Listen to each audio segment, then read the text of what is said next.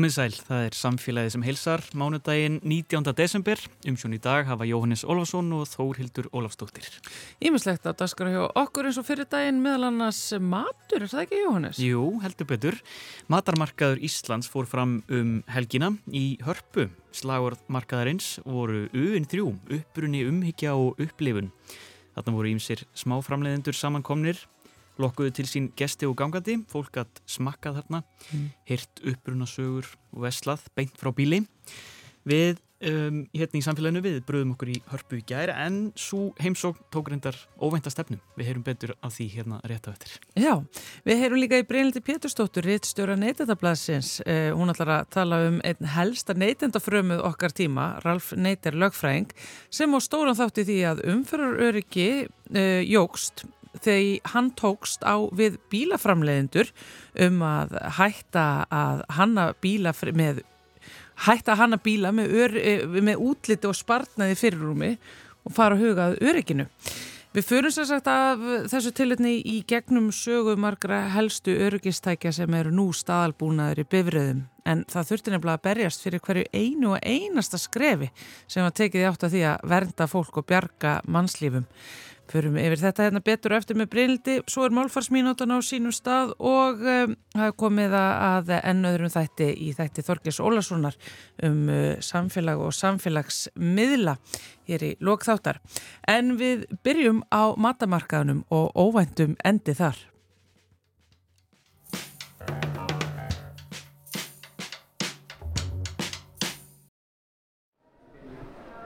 Matarmarkaður Íslands fór fram í hörpu nú um helgina og var ilmurinn úr eldúsum þeirra fjölmörgu bása sem þar kynntu sínar vörur mjög lokkandi. Það fyrsta sem krækti í mann á leiðinni inn á markaðinn var mjög inkjænandi og jólaleg lykt. Ég staldraði því aðeins við þar. Góðan daginn. Daginn. Er það hérna frá útvarpinu? Já.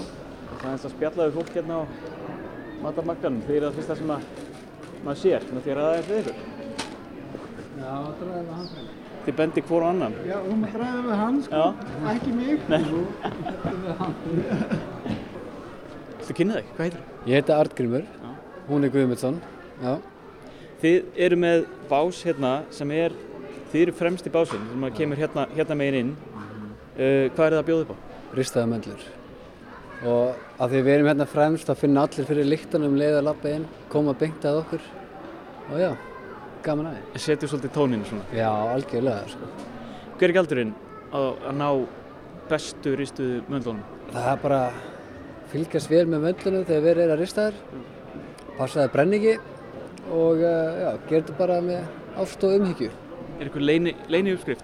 Nei, við segjum ofta að það sé vodka í þessu en hann er bara tjók. Hva, hvaðan, hvaðan kemur þetta, þessi, þessi hugmynd að, að rista mön- möndlur? Hann frendi minn byrjaði með þetta árið 2010 og hérna hann sem sagt var í fjær ára námi í Danmörku og hann vil meina að þetta er einu sem hann lærðist. Þannig að hann byrjaði með þetta þá og síðan er bara búin að vera að þessu síðan 2010. Já. Já. Einmitt. Og hvað er þessi bás svona alla jafna? Við erum að taka fyrirtæki gig út um allt og hérna annars erum við bara lögðuðanum á hotninu. Það kemur að því, allavega á þorlagsmessu. Já, það verðum við þar. Þið tryggið góða jólalega möndlulykt í, í miðbænum. Já, algjörlega. Ég ætla að lifa að halda áfram takk hjá fyrir spjöldum. Já, takk. Ég næði þér bara setna. Já, endilega. Takk, takk, gleðilega. Matarmarkaður Íslands er stærsti og jafnframt elsti matarmarkaður landsins af þessu tægi. Það eru þær Hlétís Sveinsdóttir og Eirni Siguradóttir sem standa þar að baki og hafa haldið markaðinn í um 12 ár. Þar koma saman bændur, sjómenn og smá framleiðendur víðsvegar að af landinu með fjölbreytt vöru úrval. Gestir fá að smakka, heyra sögur og versla beint við framleiðendur. Ég var fremur seint á ferð en það kom ekki að sög þarna var múur og margmenni við hvern einasta bás og fólkið á þeim næsta sem fangaði mína aðtegli kynnti sig svona. Jörgundur Svafarsson heiti ég, geitabóndi í Hrísakoti, Helgavelsveit. Hvað eru þið að bjóða upp á hérna á ykkar, ykkar bás? Við erum að bjóða upp á ýmsar afurður frá geitinni. Geitin er náttúrulega í útrýmingarhættu. Það er ekki nema 1500 vetrafóðrar geitur á landinu, 1500-1600 og það er náttúrulega brengt að kynna geitina fyrir landsmunum. Kynna, kynna það hvaða, sem sagt, hvernig geitin lifir áfram sem nýtjadýr. Ef að, ef að, ef að hérna, ef menn fara að, að nýta afurður geitarinnar, þá er miklu meiri líkur á því að, að geitinni fjölgi, menn sjáu hagkvæmni í því að, framleiða geita afurðis. Við hefum verið að framleiða kjöt, ímins konar kjöt úr, uh, kjötverur úr, geitinni, geita grafið, geita innalari, með þess að geita hamsa, uh, geita livrakæfu og hérna, geita kjötbólur og svo ekki síst hefum við verið að vinna fíðuna, fíðan eh, sem Já, geitur eru ekki með ull. Nei, geitur er ekki með sem tók og þel eins og uh, söðfjöð, heldur eru, eru geiturna með hérna, fíðu og strí og uh, geitur er ekki rúnar, þær eru kemdar. Og af hverju geit kemur það komur sirka svona 250 grömm af fíðu sem er náttúrulega pínu lítið við, við uh, hvað magna öll sem farið af, af söðfjöðinu. En uh, þetta er náttúrulega kasmír. Þetta eru hérna eh, kasmír, eh, kasmír ull kemur af geitum og, og eh, íslenska geitin er bara með kasmír gæði á sinni fíðu. Þannig þetta er miksta mikst sem þú getur notað í einhvers konar fatnað. En náttúrulega þetta er, eh, það kemur lítið af geitinni, dýri vinsla, þannig þetta er svona með dýrari, dýrari hérna, mm, efni sem þú getur notað í, í, í hérna, dýrarbandi sem þú getur notað í einhvers konar klæði. Þannig að fólk er kannski mest að búa til ungbarnafatnað úr þessu Já. eða sjöl eða eitthvað svona skemmtilega, skemmtilega. Já. Og hvernig er, hvernig er þetta spunnið í, í, hérna, í band? E, þetta er, það er e, í Rangavallarsýslu er e, fyrirtæki sem að, að, spuna, spunaverstaði þar sem heitir Uppspunni, skemmtilegt nafn á þeim Já. og þau sem taka okkar band og vinna það, e, þvoða og síðan að spinna þetta. Það er engum aukaefnum bætt í þetta þannig að þetta er eins náttúrulegt eins og, eins og hægt er að hafa það og við hefum ekki litað eitt eða neitt þannig að liturinn hjá okkur er hana hvítur eða svona fölbrún sem að móta stæði hvort að skepnunar hafi verið hvítar eða eða eru hvítar eða, eða kábótar eða eitthvað svoleiðis. Það er mismunandi litur sem kemur á, á bandi sem við, við vinnum. Og þetta með sko, geitur á Íslandi, ekkur þeir eru svona fáar, ertu með einhver, einhver svör við því? Gengur þetta, gengur illa að fjölga þessu eða hvernig, hvernig er staðan? Ég, ég held að aðalega ástæðan það eru mjög fáar á tímabili og ástæðan fyrir því að eru svona fáar er sennilega, eh, sennilega margar. Eh, Ein ástæðan er kannski svo að, að söðfifur gefur miklu meira af sér af kjöti. Kjöti var náttúrulega svo verðmætt. Eh, Geitin var gætna nýtt sem, eh, sem kýr fátækamannsins. Fátæklingarnir áttu kannski eina geit og gáttu bjarga sér með mjölk frá einni geit en ætlaði að gera aðlega samkeppni um það að það voru svona kannski, kannski ekki eins góðar afuru þá metnar í, metnar í kjöti og ull líka sem komu að, að, að, að geitinni þannig að geitin lentur svona í öðru sæti. E, núna er vonandi að fer henn að fjölga, núna á landinu eru 15 eða 1600 vetraflóðraði geitur og ef menn fara að sjá hvaða möguleikar eru með að framleiða afurður úr henni þá fer henni vantarlega fjölga. Geitur eru á mörgum bæjum, víðum land, en það eru gætnan fáar geitur á hverjum stað. Það er kannski fjóra-fimm geitur á hverjum stað, en þetta eru meira gæludýr. Já. En það er náttúrulega sko skiljanlegt að þetta séu gæludýr vegna þess að geitur eru, þetta eru mjög skemmtilegir, eh, skemmtileg dýr, uppatækja sem getur verið, verið og verða mjög hænda manninum og hérna, við erum með eh, núna 70 geita stopp. Og þessu stopp, þegar við hleypum honum út, við höldum honum inn að girðingar. En e, þetta er alltaf einn hópur. Þetta er ekki eins og söðfér þar sem að það eru kannski saman tvær ær með, með lömbu sín mest. En hér eru með hóp sem er. Og maður rekur ekki geitur. Það fyrir ekkert alltaf að reka þær maður heldur gengum maður fremstur og kallar á þær og haga sér eins og heiða þarna í einhver staðar í hátt í öllbólnum maður, maður lappar undan þar fylgja mann á eftir Já. en auðvitað notum við trikk eins og að gefa þeim hafra svona til að, að, að þær séu tilbúin að koma með manni Já, að þú ert svona fórustu hafurinn. Ég er fórstu hafurinn í þessu, já, geng með staf sem að svona fjárstaf Já.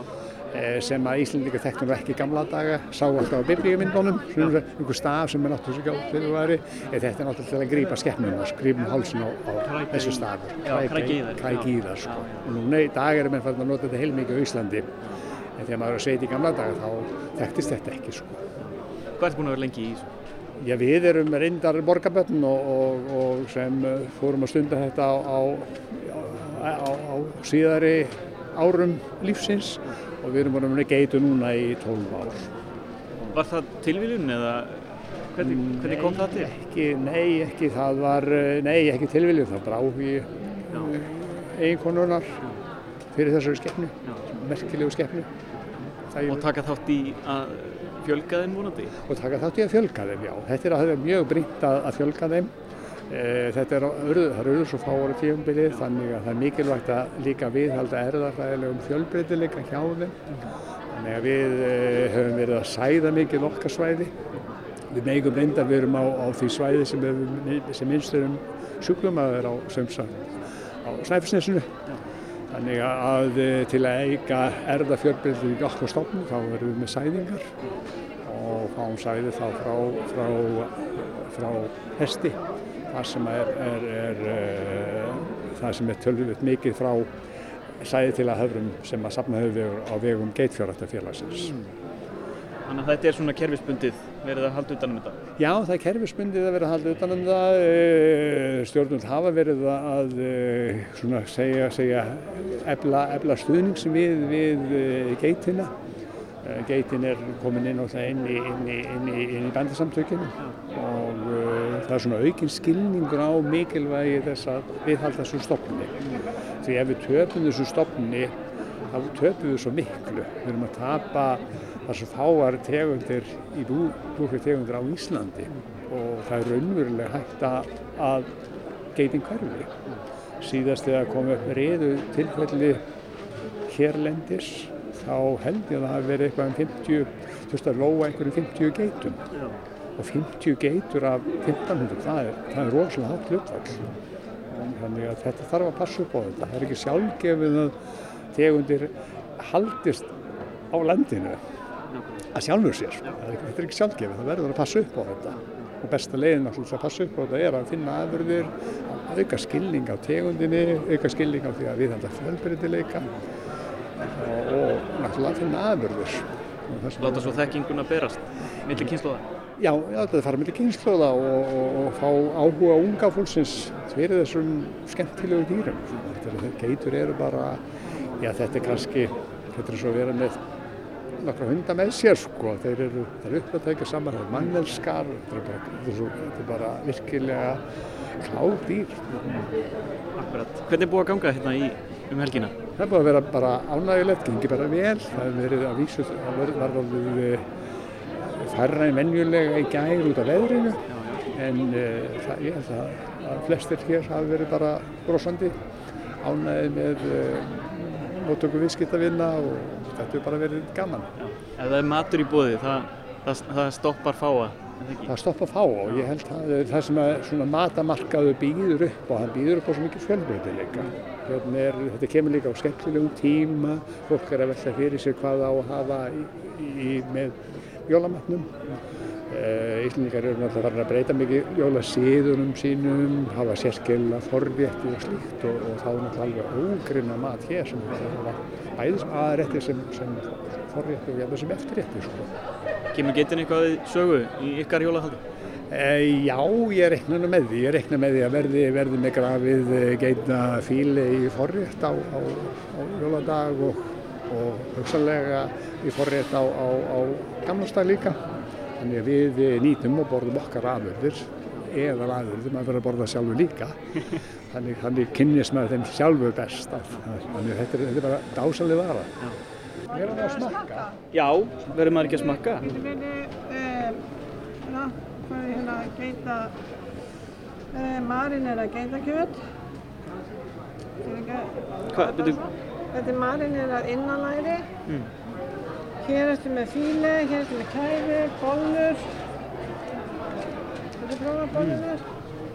Þetta er bara ekta forrið sko. þetta er rosa gott, já. Við pipar út á sósu sko, þetta er bara, þarf ekki meira sko. Nei, Og svo er lifrakæfi. þetta eru bólurnar. Geitabollur, ég þetta Geitabollur. bara hattbollur. Ítalska bollur kalla ég þetta. Krydda þetta mikið með kvítlæti og svona. Já. Já, ég ætla að stela tveimur af þessum. endilega. Er þetta eitthvað leini, leini Já, uppskrift? já, já, Já. sjálfsögðu. Ég ætla bara að lefa ykkur að halda áfram hérna, klára, klára þessa fínu, fínu helgi. Gangi ykkur vel í, í geita bústöðurónum. Gæði fyrir.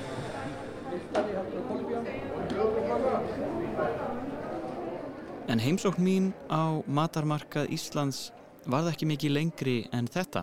Því stuttu eftir að ég talaði við hjóninn í Rísakoti gerðist svolítið óvænt. Takið eftir, takið eftir. Elds hefur orðið vart í byggingunni. Vinsæla sínistillingu og yfirgefi bygginguna án tafar. Notið merta flóttaleðir, notið ekki lyftur. Attention please. Fire has been detected in the building. Jóhannes kviknaði í matamarkarum meðan þarna.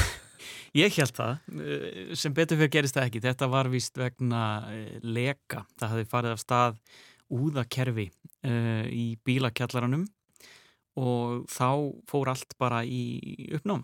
Uh, það, það fóru niður svona, svona tjöld, svona milli tjöld sem lokuðu leiðunum og þetta var sérst, í kallkerfinu í bara, bara stanslust og uh, já, það voru bara allir sendir út. Það voru hérna, tónleikar í gangi mikið af hérna, börnum voru barnatónleikar og þau voru mörg svolítið svona e, já, í uppnámi hérna úti fyrir utan í frostinu þegar allir voru komnir út Já. En þú þú veist, var öskur að læti eða fór þetta bara svona, Mm. rím, var hægt að rýma hörpun og bara rólega? Þú veist, þess að segja, matamarkar er gangi, tónleikar, Já. veist, þetta er sunnudagur og aðvendinni. Einmitt, það, var, það var allt í gangi þarna og fullt af fólki en það virtist einhvern veginn vera bara þannig að það væri verið að loka hörpu og allir út. Þetta var ekkit, það var allir frekar uh, rólegir. Já, já. og, og hérna eins og maður heyriði hérna á upptökunum þá Það var nú engin engin, æsingur. En, En- já, þetta var samt svona eh, smá, fólk var svona oft þegar brunakerfi svona fara í gang þá er oft svona, æ, líður þetta ekki bara hjá? Já, það er oft svona svolítið viðbröðin en já, þarna, þarna voru bara allir sendir út. Já.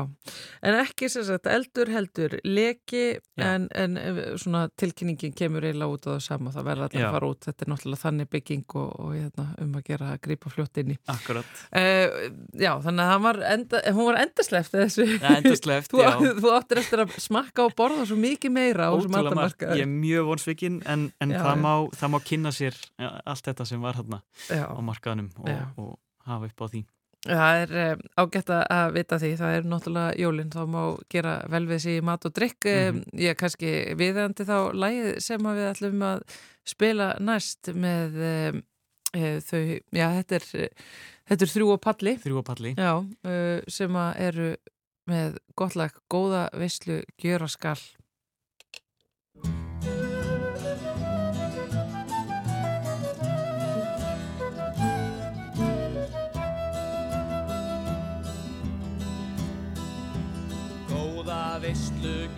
Gjöra skal, þar sé gengi dans.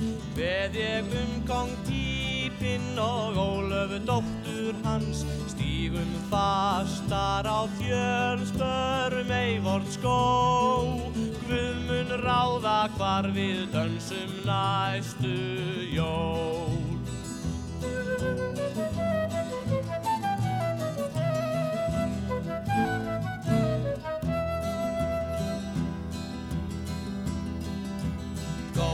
Veistu gjöra skal, þar sé gengi dans. Veð ég um kong pípinn og Ólöfu dóttur hans. Stígum fastar á fjöl, spörum ei vort skó. Guð mun ráða hvar við dansum næstu jól. Já, Guð mun ráða hvar við dansum næstu jól.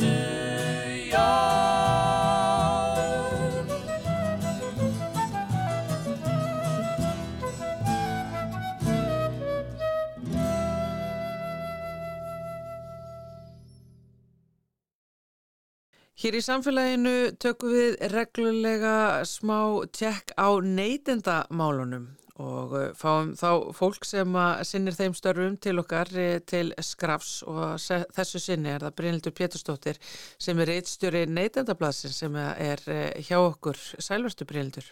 Sæl. Sko, þið langaði til þess að tala um, já, mikla fyrirmynd ykkar í neytendamálum. Það er maður að nafni Ralf Neyter. Já, þetta er mjög merkilegu maður.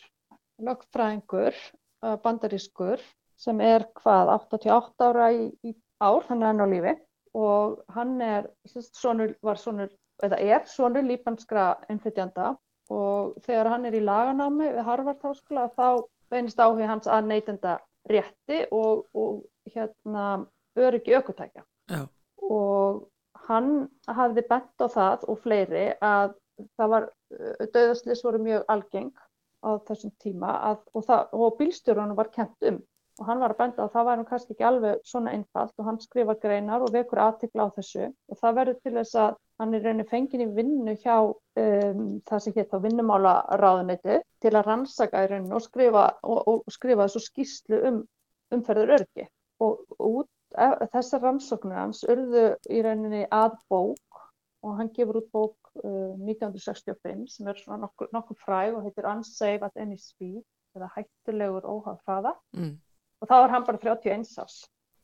Og þetta er sem stíða 1965 og, og þessi bók bara vekur mjög mikla aðtegli og skýrst upp á meðsölulista og í henni þá er hann að gaggrina bílaframleðundir í bandaríkjónum fyrir að leggja meira áherslu á útlitt bílana og ekki nóg mikið að hérna, nóg mikið áherslu á öryggismáli og þetta valdi mörgum döðastlýsum og fólk kaupir þetta og veit ekki af því að það er í rauninni kannski að kaupa döðagildrur.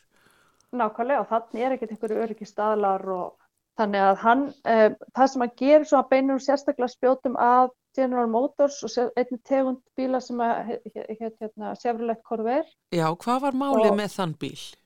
Já, hann þótti bara einstaklega hættilegur og það var eitthvað með að vélinn var aftan og einhver aftur fjöður og eitthvað sem ég kann nú ekki að útskýra. Já, það var einhvern veginn bara þingdapunkturum væri ruggli á honum. Já, það var reyna að þessi þingdapunktur gerða verkum að, að hann væri líklegri til að velta ákveðnar aðstæður og það mætti reykja vörduðastis til þessa galla Já. og þeir náttúrulega framlegendur eins og ofti er brúðust ókveða við og það sem þeir gerðu og hjálpaði síðan baráttunni er að þeir réðu einhversbæra til að eldan og grafast fyrir um, um og reyna að rýra trú, trúurleika hans. Rafneitir sem sagt. Þeir, já. Bílaframleðundur settu einhversbæra og já, já. Já, og hann endar með að hérna, kæra fyrirtæki fyrir brotafriðelgi og, og svo náðist, hérna, náðist sáttum eftir, eftir að þeir gengustu brotu sínum. En þetta framferði allir náttúrulega þvílikrið nextnum meðan almennings. Og það ég er rauninni hjálpaði bara stutti við málstöða neytast þannig að síðan 1900 uh, uh, uh, já bara þarna í rauninni sama ár þá bregðast þeir við og gera breytingar á fjöðurum bílsins mm. en þá var í rauninni skaðin skeður og það er ekkit endilega það, hvort, að, hvort að þessi tegund af bíl var hættilegri en aðra bílategundir það er kannski ekkit líkur ekkit endilega alveg fyrir en það er þessi þessi lúalögu viðbröð framlegandan sem að allir svona sterkum viðbröðum bæði hjá almenningi og, og yfirvöldum. Um, en hann fjallaði líka um hérna, önnur örgisatriði sem að byrjaði innan hunsaði eins og bara bremsu stýrisbúnað, uh, lélega áraugstu svörn og, og, og mengun Já. frá bílónum. Já. Þannig, og þessi herrferðans, hún nefnilega var til þess að það var nýlaugju um umferðuröryggi var samþygt á í bandaríkjónum. Þetta er sko rýmar við svo margar aðra sögur einhvern veginn úr þessum ranni og sem að fyrir strax að hugsa til dæmis um uh, tópasframleiðendur og, og mm -hmm. hvernig þeir komu fram og, og, og veist, einmitt e, e, e, ekkert verið að sko virða það hvað við komum heilsu og velferð neytenda eða fólks almennt þetta var snýrs bara allt um bara að fá að gera það sem þú vildir Algjörlega, ég var með að hugsa að hérna verið að reyfita upp að, að, að þessi bók kemur út 1965, árið 1962 kom út önnur að, að hérna, mjög áhuga mikið bók eftir Rachel Carson, Rætti Vorsi Stagna, hún er að benda á kemísku efnin í umhverfinu og hún fekk verandi kona líka á þessum tíma, fekk því líka útræðina, bókin var meðsölu bók en, en eðnaðurinn, efnaeðnaðurinn og, og landbúnaðgeirinn allir bara lögðust alveg já, gerð, eh, svona, hvað sé ég,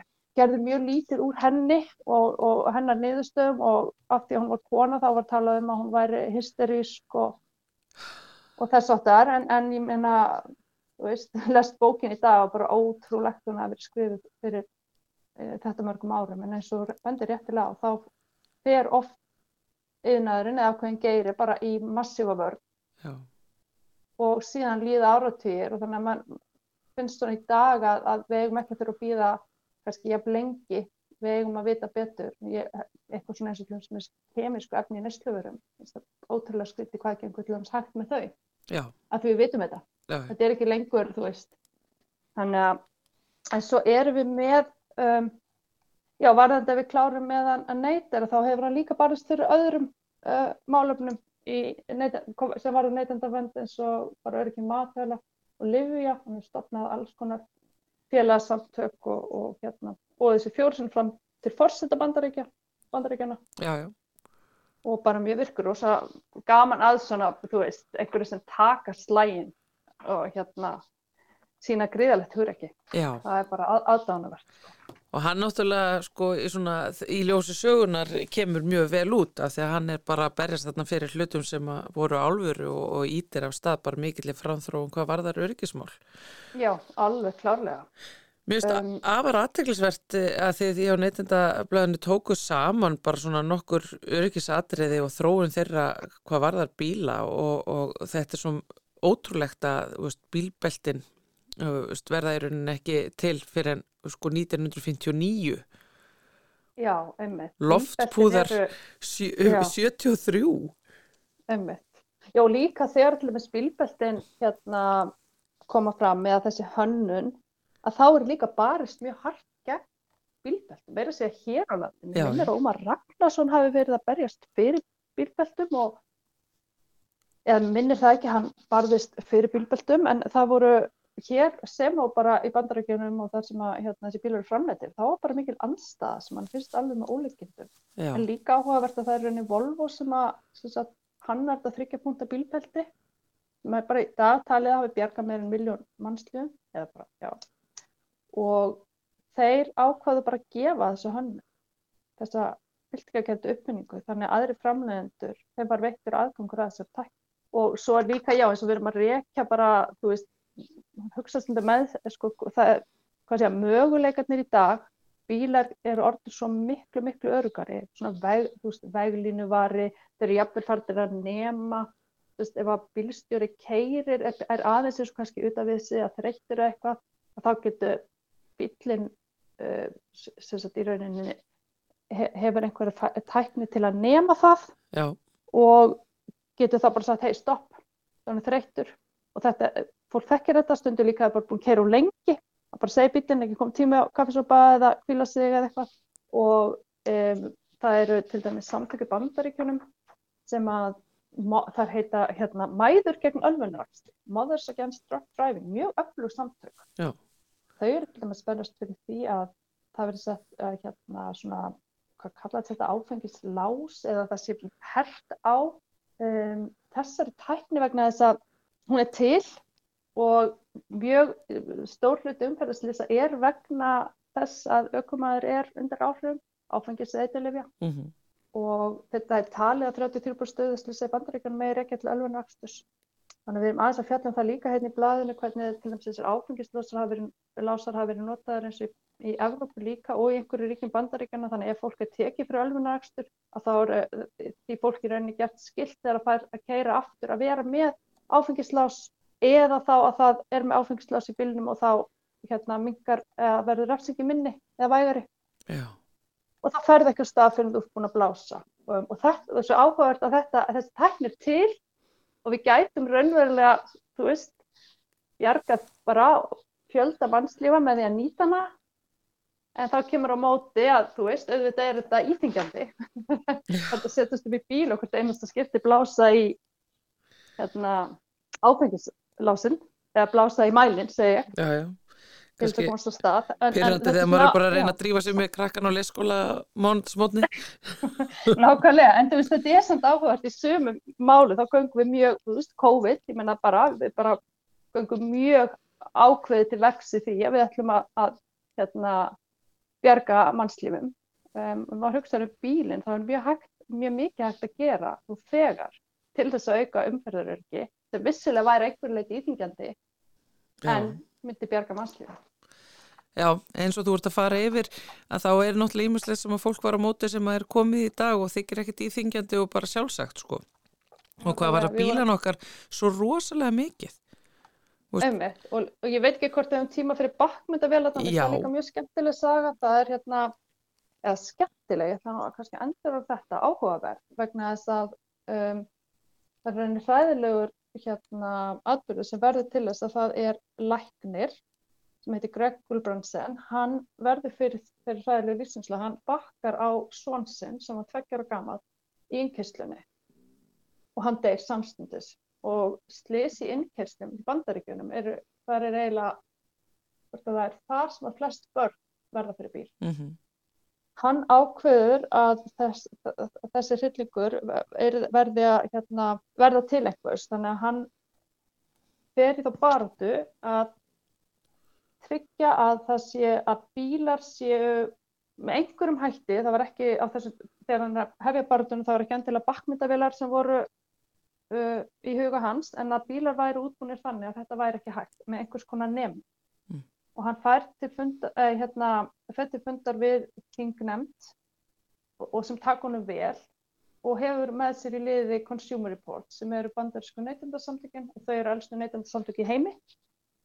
Neytendasamtökin í Íslandi eru þriði elstu í heimi. Mm. þannig að hérna hann, það verður til þess að frumvarp er lagt fram 2005 það er samþykkt þreymur árum síðar og þá var næsta skrif að fara að gera tilraunir. Hvaða tækni ætlum við að nota til að koma í fyrir þessi slís og það verður ofan á bakkmyndavélu kemur best út. Og þá er ekkert í rauninni, hefði hérna, ekki eftir að vera neitt í fyrirstöðu að gangi málið, en þetta er sem sagt, já, það er talið að það ætti, 2014 þá ætti allir bílar að vera komin með bakkmyndavél.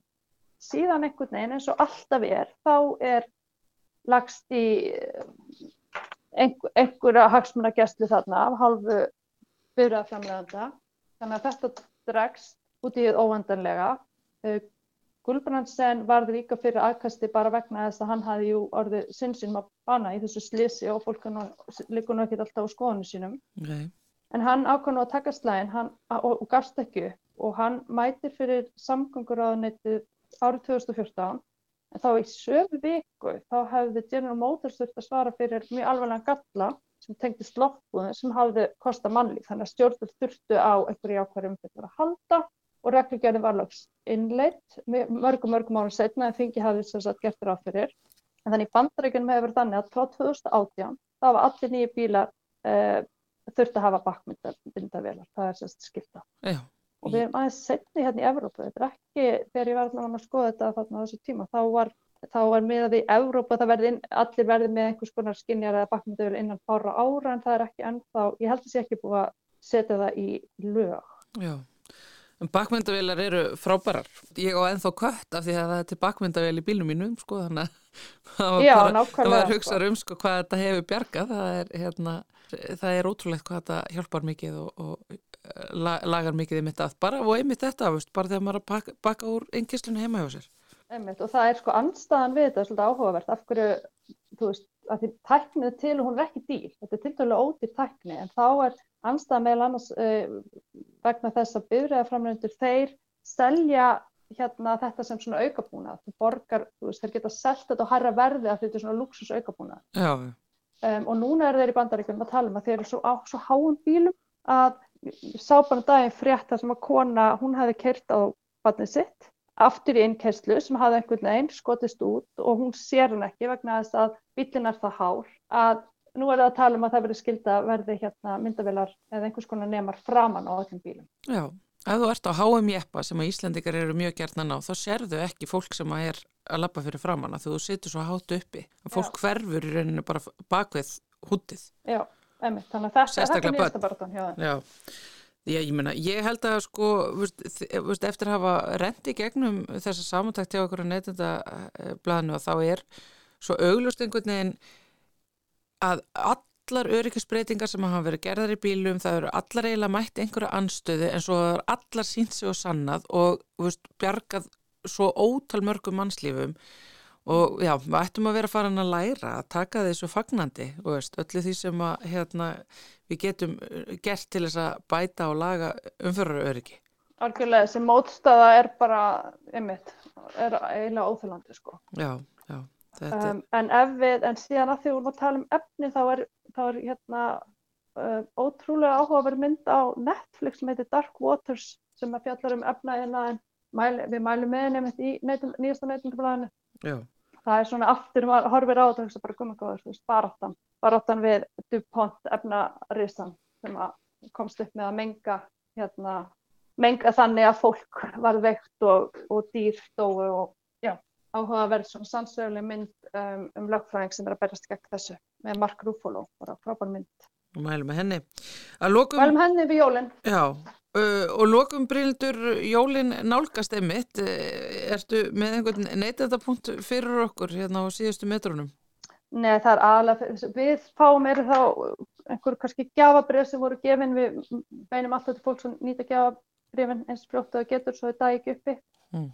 og svo er það skilarétturinn, um, þá er það er kannski helst þetta ef að í útsöluru byrjar, fólk mætir með flík, þá er það svona, hvað segja, regla, svona okkur, já, regla sem að allir hafa komið sér saman um að fólk á rétt að fá uppalætt verð á flíkunni, flíkinni á inneignunótuna en að samaskapi getur þá seljandi sagt að hann megi ekki nota eða neytandi megi ekki nota flíkina fyrir eftir útsölu líkur. Já, Þetta er pínu flókið en svo sagt, já, ef þú skiptir ekki bara flíkinni yfir í aðra stærð eða færið eitthvað annað þegar útsölunni byrjuð og segir bara, herri, ég skilja þessar flík en ég finn ekki neitt sem ég langar í og þá segir seljendir, já, þá færið bara útsölu verða flíkina. Neytandinn ósáttur við það og getur seljandi sagt, ok, þú færð fullt verð, það sem hún var keift á, en þú kemur þá eftir útsölu, getur notað inn eitthvað notana. já, já, já. Var þetta oflókið? Nei, nei, ég skil þetta, ég skil þetta. En það er alltaf, þetta er svona dæmi um hvað er að mörg að hyggja í öllu þessu afslátta útsölu uh, gjafakorta innegna flóðu öllu sem að maður er að reyna Já. að kunna skil á. Þetta er, þetta er svo samkvæmt þeim leiðbennandi reglum um skilurætt sem eru svo við miðum við í dag. Um, svo er það svo sem alveg verkefni hjá okkur að reyna að, uppfæra þær. Bryndur Pétursdóttir, bestu kveðjur. Takk, takk. Bless, bless.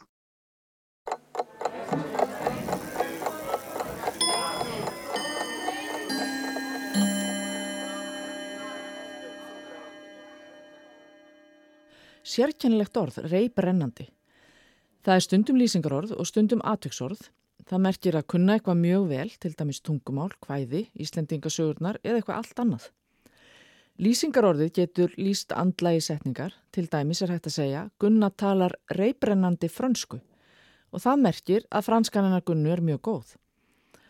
En svo er líka hægt að segja að Gunna sé reybrennandi í frönsku og þá lýsir orðið frumlæginu, það er Gunnu. Það er aðeins munur þar á þótt merkingin sé í grunninn svo sama. Ef Gunna kann svo eitthvað ljóð utanbókar er hægt að segja að hún kunni hvæðið reybrennandi sem er þá atviksorð. En síður að hún sé reybrennandi í þessu tiltekna hvæði, hvað þá að Gunna kunni reybrennandi hvæði? Skrítið þetta tungumál.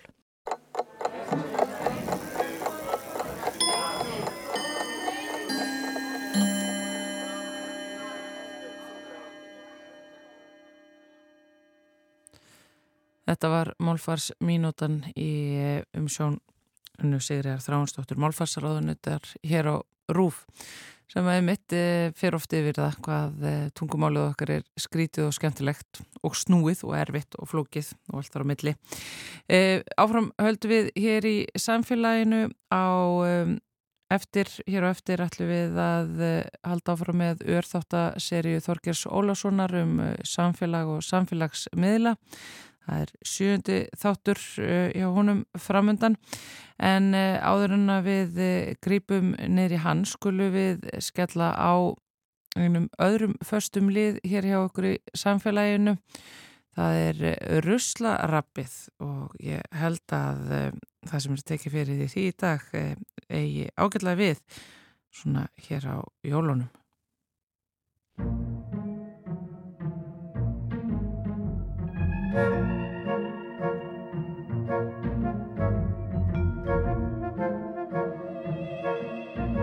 Ruslarappið farið af stað er í samfélaginu. Eirikur Örð Þorstensson hjá Sorpum, sérfræðingur þar í fræðslu og miðlun sestur hjá okkur og ætlar að svara fyrirspurt frá hlustenda sem að spyr ákvöru er okkur neytendum ekki gert auðveldara fyrir að losa okkur við feiti og ólíu? Akkurat, þetta er endar svona náttúrulega mismöndi eftir hvar maður býr á landinu, ég held að hérna íbúar á Akureyri uh, þekki þetta vel að það er hægt að skila mataróli á, á grendastöðum eða grendakamum uh, nýlega fekk vistorka sem er staðsett fyrir norðan á samt sorpu sem styrk fyrir verkefnið uh, söpnunarkerfi fyrir notaða mataróli og fytu þannig að þá er verið að, að fara að skoða þetta á höfuborgarsvæðinu hvort, hvort þetta sé mögulegt. Í dag er líka hægt að skila matarólíun sem spillefni á ásöfnunarstöðvar en það er kannski mikilvægast í þessu er að þetta, matarólíja og, og steikingarfitta og, og slíkt á ekki heima í niðurföllum. Það er betra að sapna þessu saman og þá eins og ég segi skila þessu í grendagáma þar sem það er hægt eða þá sem spillefni. Uh, oft er líka hægt bara að láta þetta kólna, sérstaklega með svona steikingarfittu láta þetta kólna og setja þetta svo í rusli á sér. Já. Þannig að það er einn leið. Já, já og alltaf þetta sé ekki helst einmitt þegar þetta er ekki feiti sem að, harnar heldur einmitt ólíjan eins og til dæmis ólíjan af fettost í glérkrukkum og, og, og þar framöndu göttunum fólk eru ofta að vandraðast með þetta. Alveg einmitt rétt. ekki setja þetta ofan í niðurfallið þetta þegar það skapar leiðinda vandræði sem að kosta þig fáralega mikið pening. Já, þetta er, þetta er ekki gott efni til að, að setja ofan í neðafallið. En maður sér það til dæmis og maður tala aftur um akkurýringar sem eru framarlega á þessum sviðum að þar var þetta einmitt sapnað bara í eh, einhvers konar dung og það var svona trekt ofan á og fólk hafði þetta bara með öllu flokkunadótinu sínu og maður Mhm. hefur séð þetta einmitt líka, bara svona tvekki lítra flöskur, trekt og svo var bara held af öllu fljótandi feiti og olíu dæmi bara onni þetta, Já. blandaðist saman í eitthvað viðbjörslegt sulluð þetta, Mhm. en það er þó hægt að losa sig við það hjá sorpu. Já, já, já þetta, sagt, uh, þetta verkefni fekk nýlega styrk, þannig að þetta verður, verður skoðað. Já. Svo e- einu sinni ég fekk, fekk þá ábyrtingu að vera hægt að safna þessu uh, saman sér og setja út í garð fyrir fugglana að borða og hérna gekk ekki á mér það endaði því að komi hundir í garðinu á þetta, en þetta fór þá. Já, að því sögðu þá hefur, eh, hafa einmitt fugglavinir talað um að það sé gott að nota afgangsfeiti og olíu og velta Mhm. havramjöli eða einhverju svona sem að fugglum þykir gómsætt upp úr þessu og setja svo þetta í garð. Þá ertu komið með ennþá svona meiri fytu á næringuna fyrir mm mjög svanga fuggla. Einmitt. Það er ímislegt að gera við þetta allavega bara ekki setja þetta í niðurfallið. Það er vandræði. Einmitt. Eirikur Örd Þorstesson, takk hella fyrir spjallið. Takk fyrir mig.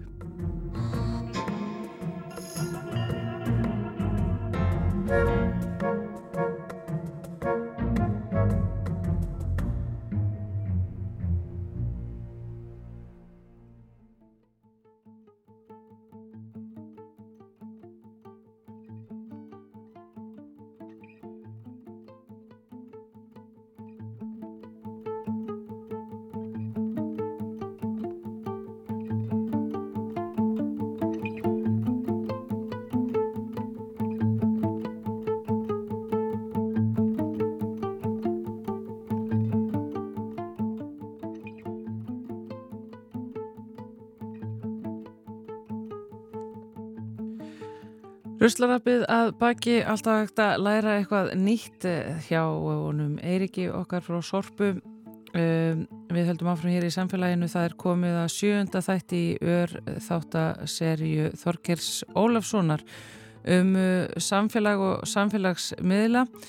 Að þessu sinni ætlar hann að huga að börnum og netmiðlum heldur áfram að ræða við skúla B. Girdal eh, verkefnistjóra hjá fjölmjölanemnd. Hann var líka að ræða við hann í þettinum sem við byrtum hér í samfélaginu á förstu daginn.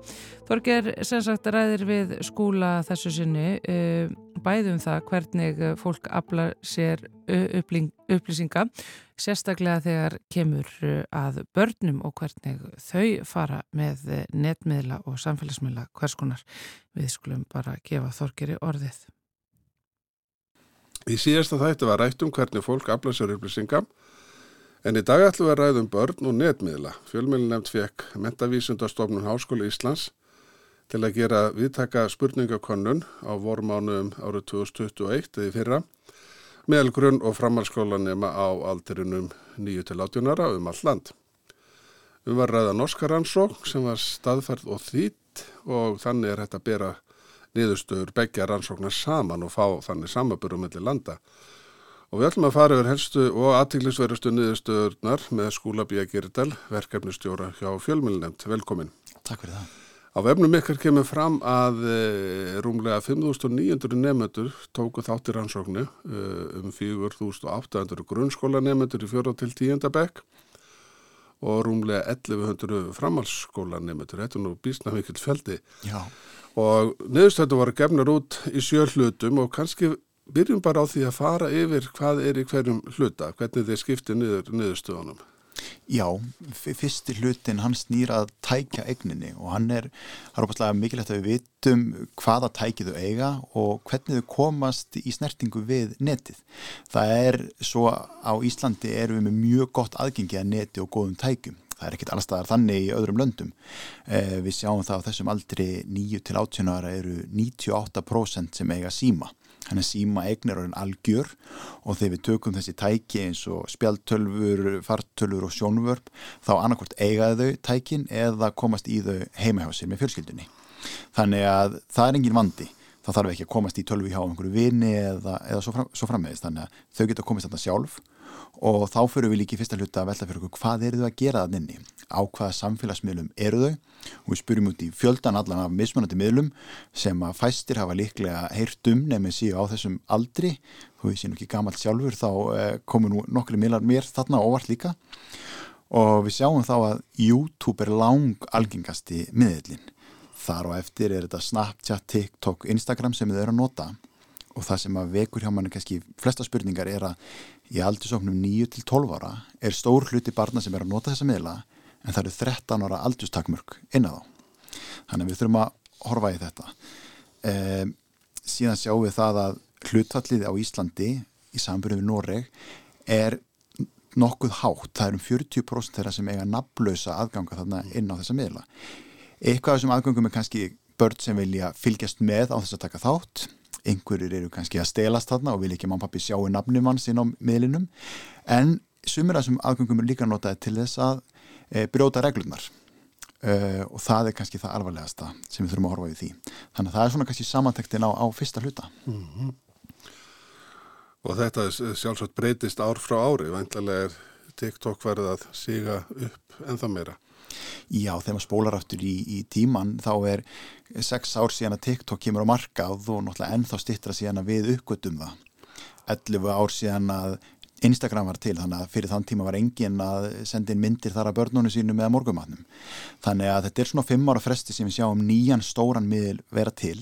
Þannig að í dag myndi ég segja að það er einhver stór miðl að vera til einhver starf í heiminum sem við uppgötum kannski eftir eitt ár sem mun springa út eins og TikTok Vandi með TikTok er að hann lítur uh, kynverskum reglum, þetta er kynverst fyrirtæki og hafa þeir uh, svona svipaðar, hvað maður að segja, reglur og, og, uh, og YouTube og Snapchat?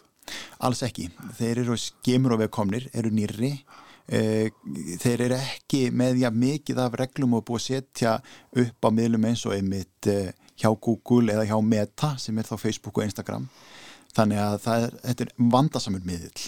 Algoritmin þar er líka mjög ógagsær þannig að eitt skref í ákveðin átt og miðillin leiðir mann áfram á nýjar slóðir. Þannig að það er kannski stutt á milli þess að maður sé að skoða e, vídeo af einhverjum að gera eitthvað sniðut í eldhúsinu og maður sé komin kannski inn í hattusfulla umræðu annar hluti fjallar um sko kynferðsli komment og, og nektarmyndir. Og við sjáum að þetta er mikið vandamál hjá yngsta aldursóknum e, þau eru að upplifa miklu meira en við sem eldir erum að það sé vera byrta myndir af þeim án þeirra samþykis þau eru að upplifa þvinganir til þess að senda af sér myndir.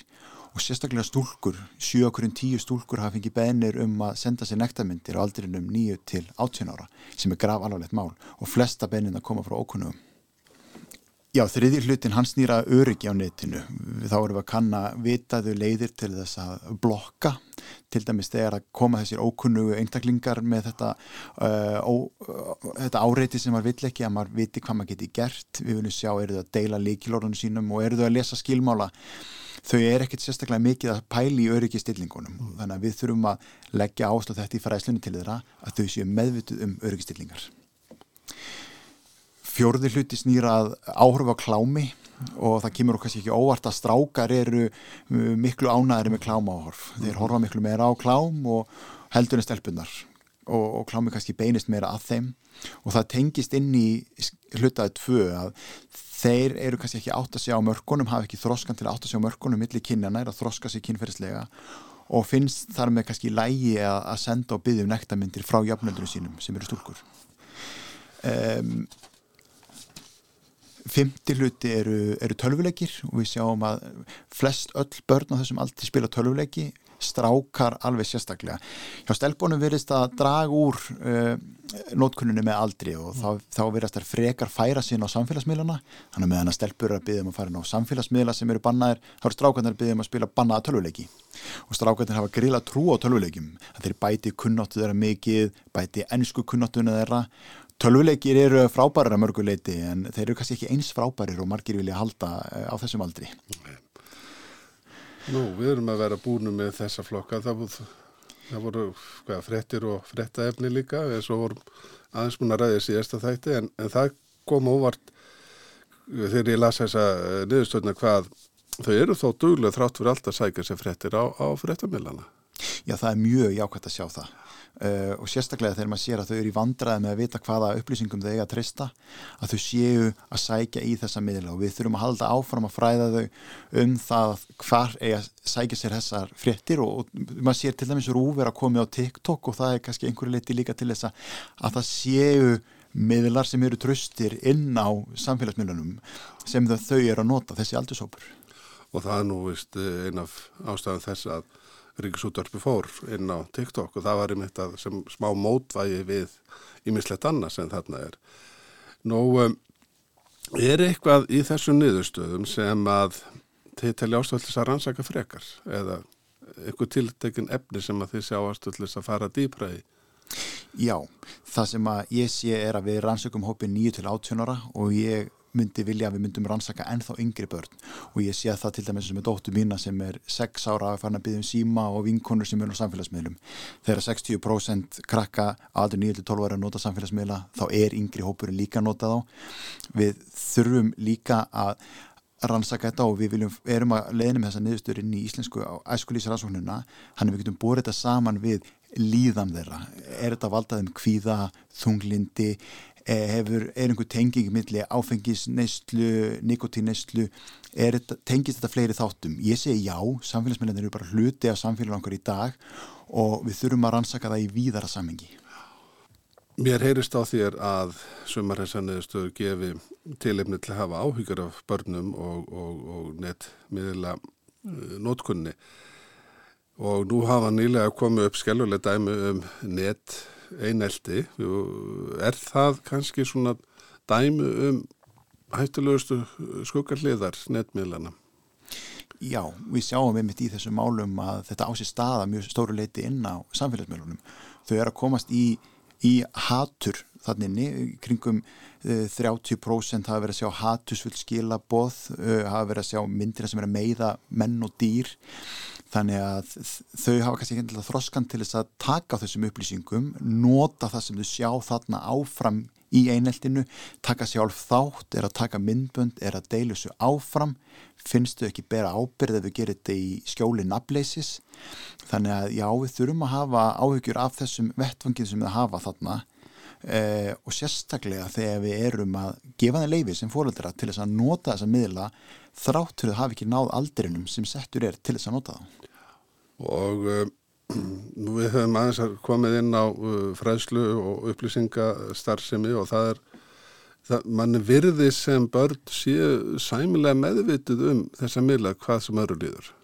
Já, við sjáum það bara strax í þessari rannsókn að þau segjast sjálf eigða miklum tími semfélagsmiðla að þau eru þar með tilbúin að stíga skrefið til þess að koma einhverjum böndum á þetta. Og ég held að við þurfum að eiga samtalið við þau þegar við snýðum sáttmála utanum þetta í mínu samtalið við bönnin þegar maður tala við þau um þessi staðsetningatækni eða hvernig þú tekur á móti vinabönnum frá ókunnum þau eru sjálfalið til í að setja einhverja reglur og bóða bönn á þetta ef þau fá að taka þátt í því og skilja af hverju við erum að setja regluverk á þetta. Ef þetta er bara nei, samfélagsmeila eru bara fyrir það sem eru eldri.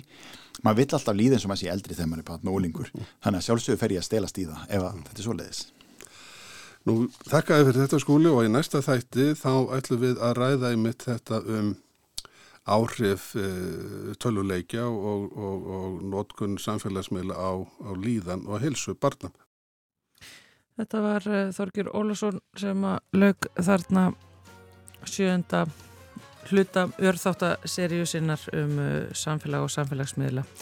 Uh, og heldur áfram að hana síður í vikunni hér í samfélaginu og eins og hann kom inn á ræðir þá við Yngibjörgu Efu Þórustóttur um áhrif samfélagsmiðluna og líðan barna og úlinga En uh, með þessu líkur uh, samfélagi dagsins. Við komum þó aftur hér á sama tíma morgun Þóruldur Ólustóttir og Jóhannes Ólásson Takk fyrir að hlusta og verðið sæl